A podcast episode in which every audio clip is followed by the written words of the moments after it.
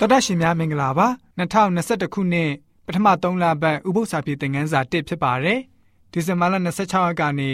ဇန်နဝါရီလ1ရက်အထိလေ့လာသွားမယ့်ဥပုသ္စာပြေသင်ခန်းစာရဲ့ခေါင်းစဉ်ကြီးကတော့ကက်ကာလ၌ထင်ရှားသောလက္ခဏာဖြစ်ပါတယ်ဖတ်မဲ့ကျမ်းချက်တွေကတော့ဟေရှာယနာဂတိကျမ်းခန်းကြီး1အငယ်1ကနေ9ဟေရှာယနာဂတိကျမ်းခန်းကြီး1အငယ်10ကနေ19ဟေရှာယနာဂတိကျမ်းခန်းကြီး1အငယ်18ဟေရှာယနာဂတိကျမ်းခန်းကြီး1ငယ်19ကနေ31 ဟေရှာအနာဂတိကျမ်းခန်းကြီး9အငယ်1ကနေ9တို့ဖြစ်ပါတယ်။အဓိကကျမ်းချက်ကိုတော့ဟေရှာယအနာဂတိကျမ်းခန်းကြီး1အငယ်16မှာတွေ့နိုင်ပါတယ်။ထာတာဖျားမိတ်တော်မူသည်ကလာကြ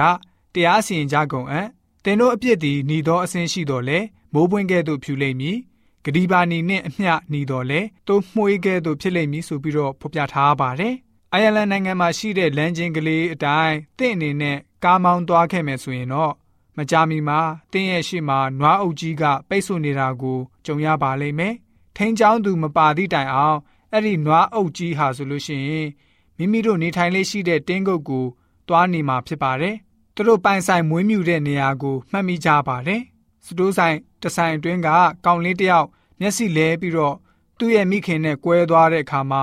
သူကဘလို့អော်ပြီးတော့ငိုလဲဆိုတော့မေမေသားမသွားတတ်တော့ဘူးဆိုပြီးတော့အော်ငိုတာကိုကြားပါလိမ့်မယ် သူဘယ်နေရာရောက်နေမှန်းကိုသူသိမှာမဟုတ်ပါဘူးသို့တော်လည်းပဲစတိုးဆိုင်မှာရှိတဲ့သူတွေထံကနေသူ့ရဲ့မိခင်ကိုတွေ့သွားမယ်ဆိုလို့ရှိရင်တော့ကောင်းစွာမှတ်မိကြမှာဖြစ်ပါတယ်ဝမ်းမြောက်ပွဲကောင်းလာတာကတော့အိုင်ယန်လန်နွားတွေဟာဆိုလို့ရှိရင်မိမိတို့ရဲ့သခင်ပိုင်ရှင်ကိုသိကြပါတယ်လမ်းပြောက်တဲ့သားငယ်လေးဟာမိခင်ကိုမှတ်မိတယ်သို့တော့ယူဒလူတွေဟာဆိုလို့ရှိရင်သူတို့တွေရဲ့ဖျားကိုနှိလျော့သွားခဲ့ကြပါတယ်ကောင်းကင်ဘုံရှင်သူတို့ရဲ့ဖျားသခင်ကိုမေ့လျော့သွားကြပါတယ် ဗြိဉ္ဉ်ဖွဲ့ထားတဲ့လူမျိုးရဲ့လက္ခဏာတက်တွေတွေပျောက်ပြက်သွားကြပါတယ်။ဟေရှာယအနာဂတိကျမ်းခန်းကြီး1ငွေ2နဲ့3မှာဆိုရင်ငါကျွေးမွေးပြုစုသောသားသမီးတို့သည်ငါ့ကိုပုန်ကန်ကြပြီ။နွားတော်လဲမိမိအရှင်ကိုတည်၏။မြဲတော်လဲမိမိသခင်၏မြဲဆောင်ကိုတည်၏။ဣတိလမျိုးသားတို့မူကားငါကိုမသိကြ။ငါ၏လူမျိုးမူကားမစင်ကျင်တက်ပါတကားဆိုပြီးတော့ဖော်ပြထားတာတွေ့ရပါတယ်။အခုတစ်ပတ်သင်ခန်းစာမှာတော့ဖျားရှင်ကနေ မိမိရဲ့လူမျိုးတွေကိုဘယ်လိုမျိုးပြန်လဲထိန်းသိမ်းခဲ့တဲ့အကြောင်းကိုလေ့လာသွားရမှာပဲဖြစ်ပါတယ်ဆိုပြီးတော့ဥပုံနဲ့ဥပု္ပ္ပစာဖြစ်တဲ့ငန်းစာက